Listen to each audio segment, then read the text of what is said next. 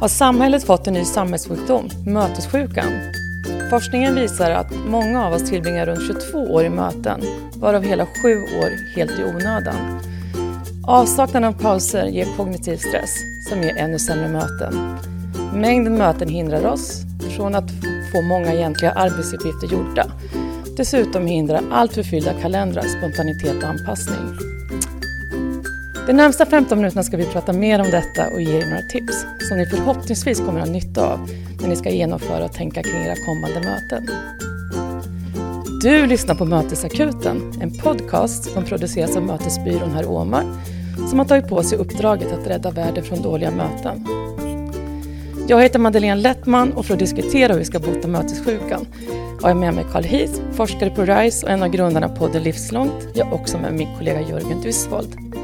Välkomna till Mötesakuten!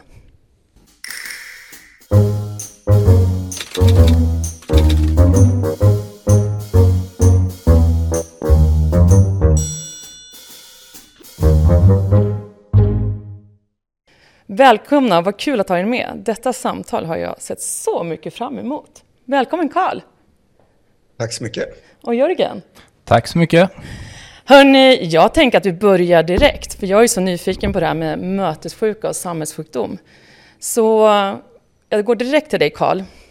Har vi en mötessjuka i samhället? Är det en ny samhällssjukdom vi har? Eh, ja, det skulle vara mitt eh, svar. Jag upplever att vi är extremt bra på att mötas på ett oreflekterat sätt som eh, försämrar på många sätt det vi faktiskt håller på med i många sammanhang. Och kan du hålla med Jörgen? Ja, absolut. Och eh, vi har en mötessjuka i dubbel bemärkelse brukar vi prata om. Dels har vi den här eh, delen att vi har alldeles för många och långa möten som slukar en massa tid och, som, eh, tid och energi och som gör att vi inte hinner med våra vanliga, eller våra andra arbetsuppgifter. Men sen har vi också en mötessjuka i det här som Karl är inne på, att vi hanterar någonting som för de flesta så lägger man halva sin arbetstid eller mer på den här aktiviteten, möten. Men vi eh, hanterar det väldigt, vi bokar en timmes möten rent slentrianmässigt utan att diskutera hur lång tid vi behöver. Vi kommer dåligt förberedda, de leds på ett dåligt sätt, man bjuder in för många deltagare och framförallt så har man inom de flesta organisationer en dålig möteshygien också. Och när du säger möteshygien, vad menar du med det? Nej, men det handlar om sådana här saker, att vi har respekt för eh, exempelvis att möten börjar i tid, att eh, man inte pratar i munnen på varandra, att om någon kommer med en idé eller ett förslag så är det inte tillåtet att bara gå in och såga det om man inte har ett alternativt förslag och så vidare. Så att de där brukar hänga ihop. Har man i organisationer som har en dålig möteshygien så får man ju också en dålig möteskultur. Så att ett, ett gott tips är ju att börja med möteshygienen. Mm. Karl, du skrev ju ett inlägg eh, att det kändes som, att, som jag läste för ett tag sedan, att eh, det känns som många människor inte riktigt vet hur man utför ett arbete om man inte har möten. Vad tänkte Nej, du? Men det, jag tror att många går och föreställer sig att arbetet handlar om att man har ett möte. Så att själva arbetet eh, handlar inte om effekten som man uppnår, utan känslan av att ha arbetat uppstår genom att man har bokat upp hela sin kalender i möten. Och då har man en liksom känsla av att nu jobbar jag. Men sen vad man faktiskt gör på mötena eller vilket utfall mötena har eller effekten, det är högst godtyckligt. Eh, och för mig så är ju det en lednings och styrningsfråga i väldigt hög utsträckning och en fundering kring liksom vad är det som vad är det vi ska göra på vårt arbete? Vad, är, vad handlar arbetet om att uppnå? Eh, och om det är otydligt för människor, då är det ju väldigt lätt att hemfalla till att skapa en slags eh, arbetsteater där vi valsar omkring från det ena mötet till det andra och ser oerhört upptagna ut. Men i själva verket så gör vi väldigt lite. Men är inte möten också då ett arbete, eller? Jo, absolut. Ett gott, ett gott möte, ett möte som har ett eh, syfte och ett mål. Ett möte i vilket deltagarna som är på mötet har en relevans med att vara där. Eh, ett möte där när mötet är slut, det finns något utfall av det som har förflyttat en fråga från en punkt till en annan. Eh, ett möte som producerar eller åstadkommer någonting under sin mötestid. Det mötet kan ju ha ett väldigt gott syfte. Eh, och kan vara jättevärdeskapande. Så det är inte det att möten inte kan vara värdefulla. Absolut, det kan de vara. Men ett oreflekterat möte, ett möte som saknar ett syfte och ett mål, ett möte där deltagare inte vet varför de är där eller där man är där för att det känns lite skönt. Ett möte som inte har en eh, dagordning där det, man vet vad det handlar om och där det inte finns ett rimligt utfall och så vidare.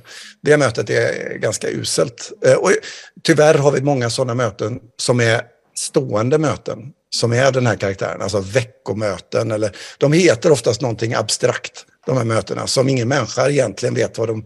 Och där de leds på ett godtyckligt sätt efter ett arv. Eh, så det finns eh, absolut den här typen av eh, mötessjuka och där det finns dåliga möten och det finns bra möten och vi generellt sett har alldeles för många dåliga.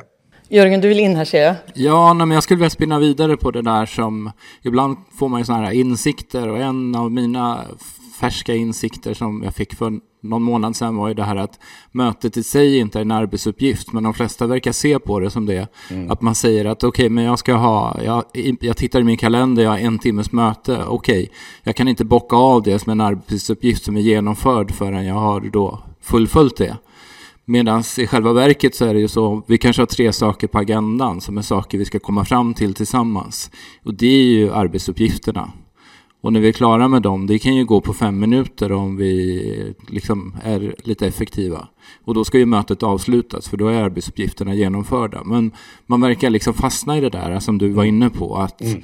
att har vi bokat en timme så får vi banne mig hjälpas åt och komma på saker att prata om. Så att mm. vi tillsammans kan säga nu har vi haft en timme möte.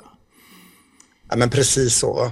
Och, eh, där man utgår ifrån själva formatet snarare än arbetsuppgifternas innehåll i grunden.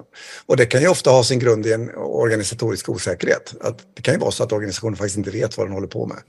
Eller eh, verksamheten eller chefen eller vad det kan vara. Utan det här är ett sätt att skapa en trygghetsram eller trygghetslogik i ett sammanhang. Så man ger en liksom känsla av arbete och en känsla av... och, och och eh, det kan ju för den som faktiskt vill åstadkomma någonting inuti det här eh, vålla enorm frustration såklart. Okay. Så, så, och sen en annan dimension till det tror jag, det handlar också om att eh, de sista 10, 15, 20 årens arbetsliv har ändå utvecklats rätt mycket. Det finns ganska mycket moderna arbetssätt och arbetsredskap som kan hjälpa oss att faktiskt ha bättre möten och att skapa bättre möten. Både vad gäller att liksom hantera mötesanteckningar och minnesanteckningar till att boka möten med moderna och bättre tekniker och vad det kan vara för någonting.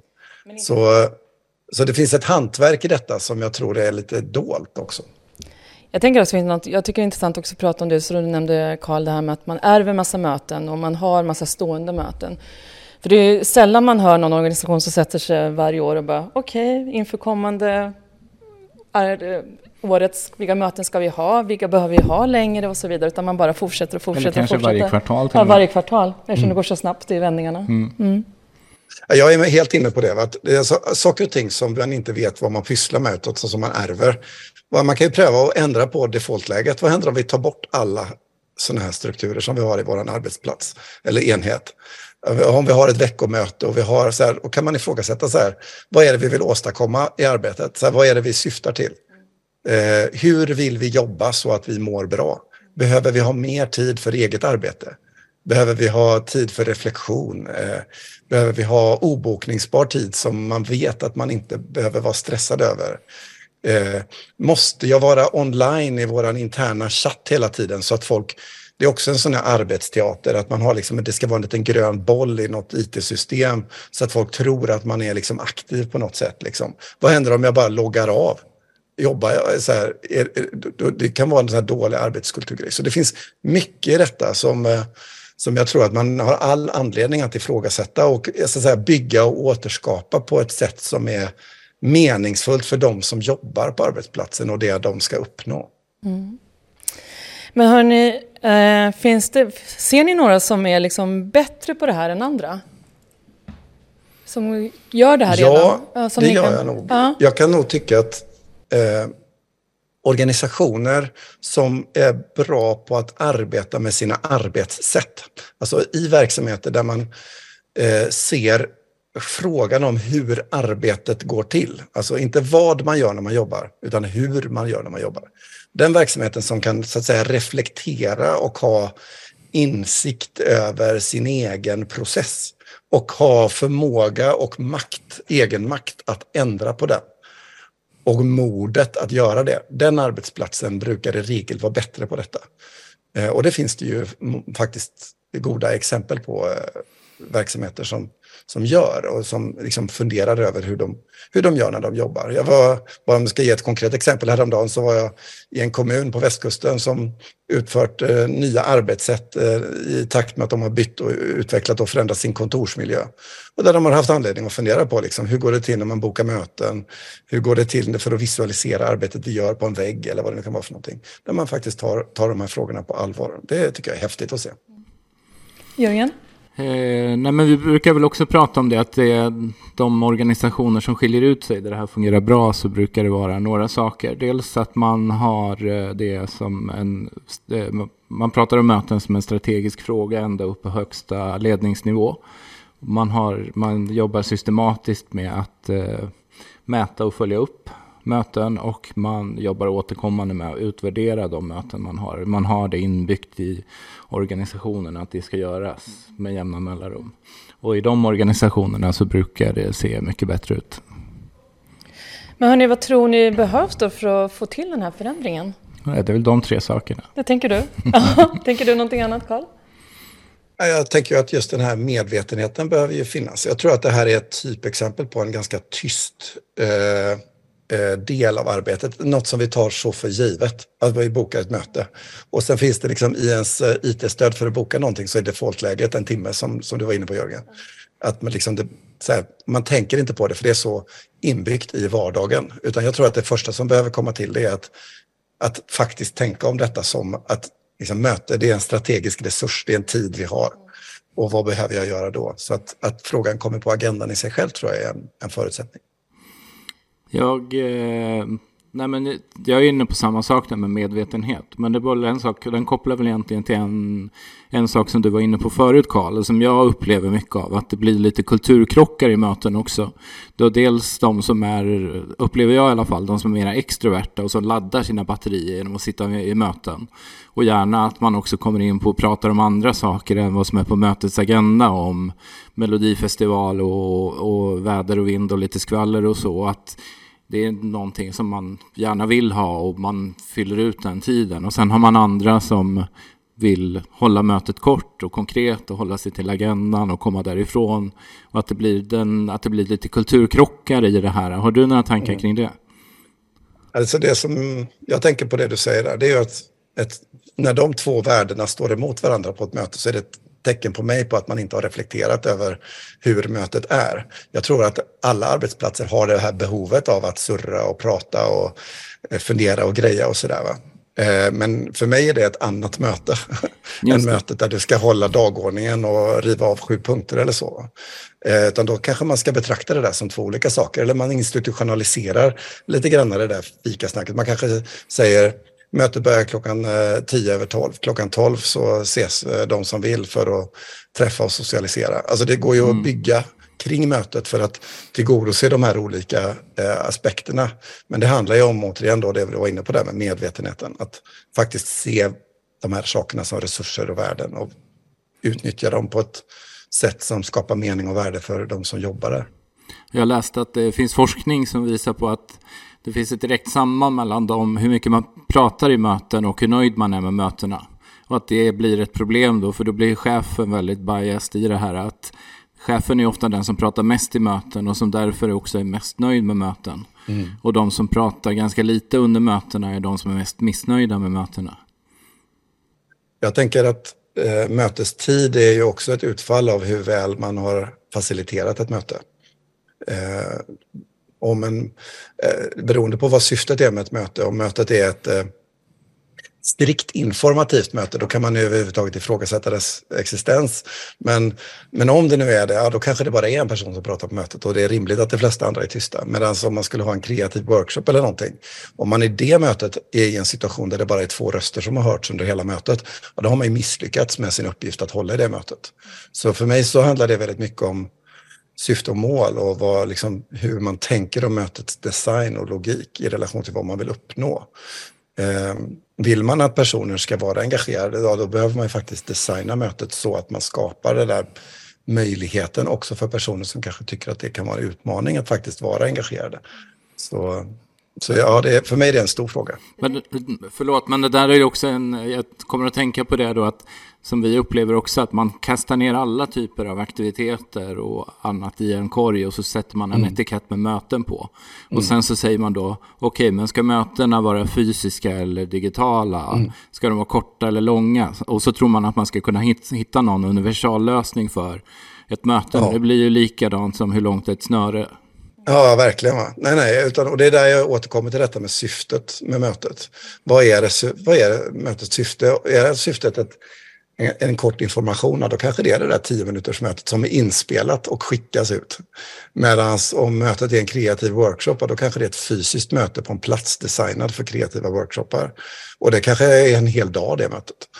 Eh, men de här defaultmötena, de som bara kommer och är två timmar som alla sitter med på med en fast dagordning som skapades någon gång på 1800-talet. Det mötet kan man ju allvarligt överväga existensen över överhuvudtaget. Kanske ska det vara tre olika möten. Mm. Ett som är med hög frekvens och ett som är med låg frekvens och olika tider, olika personer och så vidare. Att liksom just titta på det som en strategisk resurs som du var inne på, på bryta isär det och ifrågasätta det tror jag är jätteviktigt.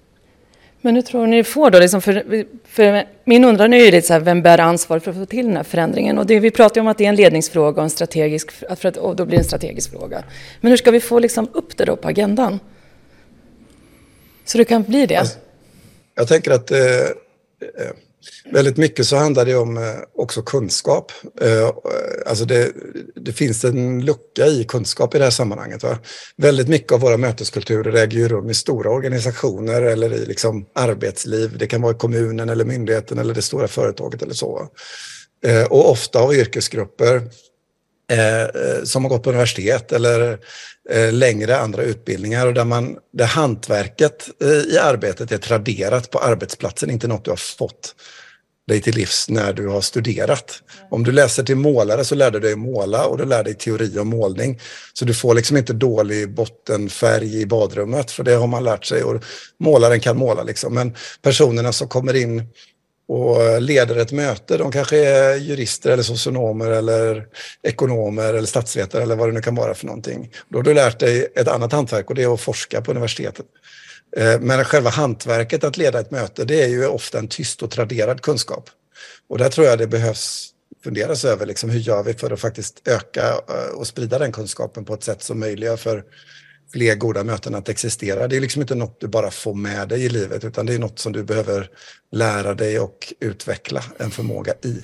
Jag kan bara hålla med om det. Jag är ofta ute och föreläser och pratar om det här ämnet och det kommer fram människor efteråt och säger jag har jobbat i 14 år som chef, jag har inte fått en timmes utbildning mm. i mötesledning. Har du tips Nej. på någon kurs som jag kan gå? Hur, hur kan vi handskas så ovarsamt med någonting som den här mm. chefen då lägger halva sin arbetstid på? Att man inte får träning i den arbetsuppgiften. Nej, för mig är det, det är verkligen ett resurslöseri. Alltså det är jättemärkligt. Att man, man kan verkligen ha anledning att fundera. Men det, jag tror att det mycket handlar om det, att det är ganska tyst. Eh, mm. Det är en sak som vi tar för givet, det bara finns där liksom. Och, och, då lägger vi inte energin på det på det sätt som vi borde. Det här tänker jag blir en jättebra övergång då, att få lite mer kunskap. För vi brukar ju alltid dela med oss lite tips till våra lyssnare för att de ska få lite idéer och mer verktyg för att kanske göra den här lilla förändringen. Och Karl, nu har vi bett dig idag att du ska få dela dina fem bästa tips för att vi ska bota mötessjukan. Mm. Mm. Uh, ja, men tips nummer ett då, det är att ifrågasätta alla mötens längd, alltid. Går det att korta ner det med minst hälften? Oftast gör det det. Eh, vad händer om man har det här mötet på tio minuter? Är det, är det, går det att göra det överhuvudtaget? Ja, men pröva, se vad som händer. Så här, korta ner. Eh, det andra, det är ordförandeskapet. Dela på ordföranden. Den som behöver vara den som är ordförande på mötet är inte självklart chefen och inte självklart den ämnesexperten. Låt någon annan leda mötet så att den som är expert på ett innehåll kan få fokusera på innehållet, inte på själva strukturen av mötet i sig självt. Det tredje det är att spela in möten.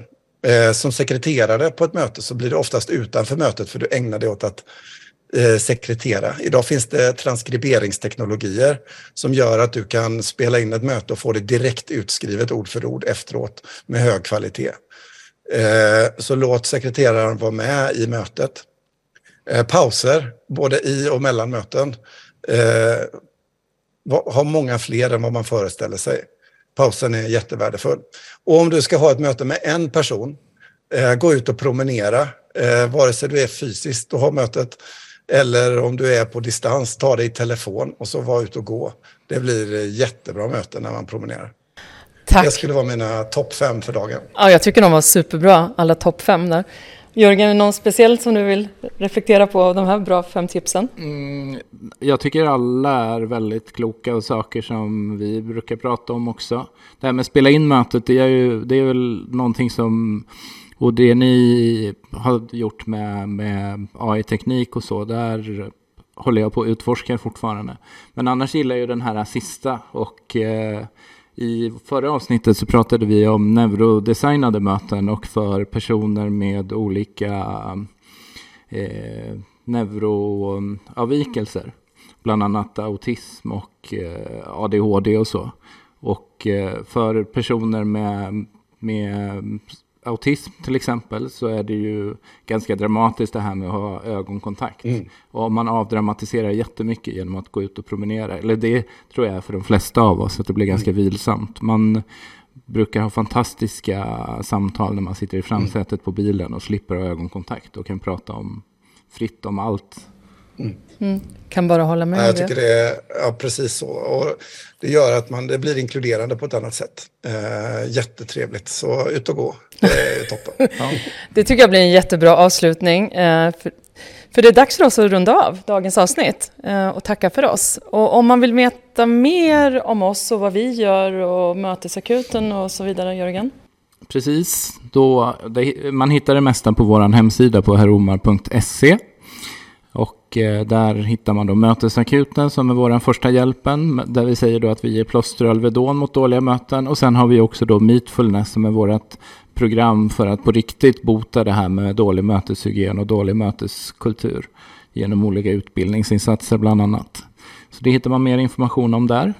Och podden Mötesakuten finns också där men också på de större poddplattformarna. Hörru, tack snälla Karl och tack Jörgen och så får vi tacka alla till alla er som lyssnar och följer oss så hörs vi snart igen. Ha en fin vecka. Hej då! Tack! Tack!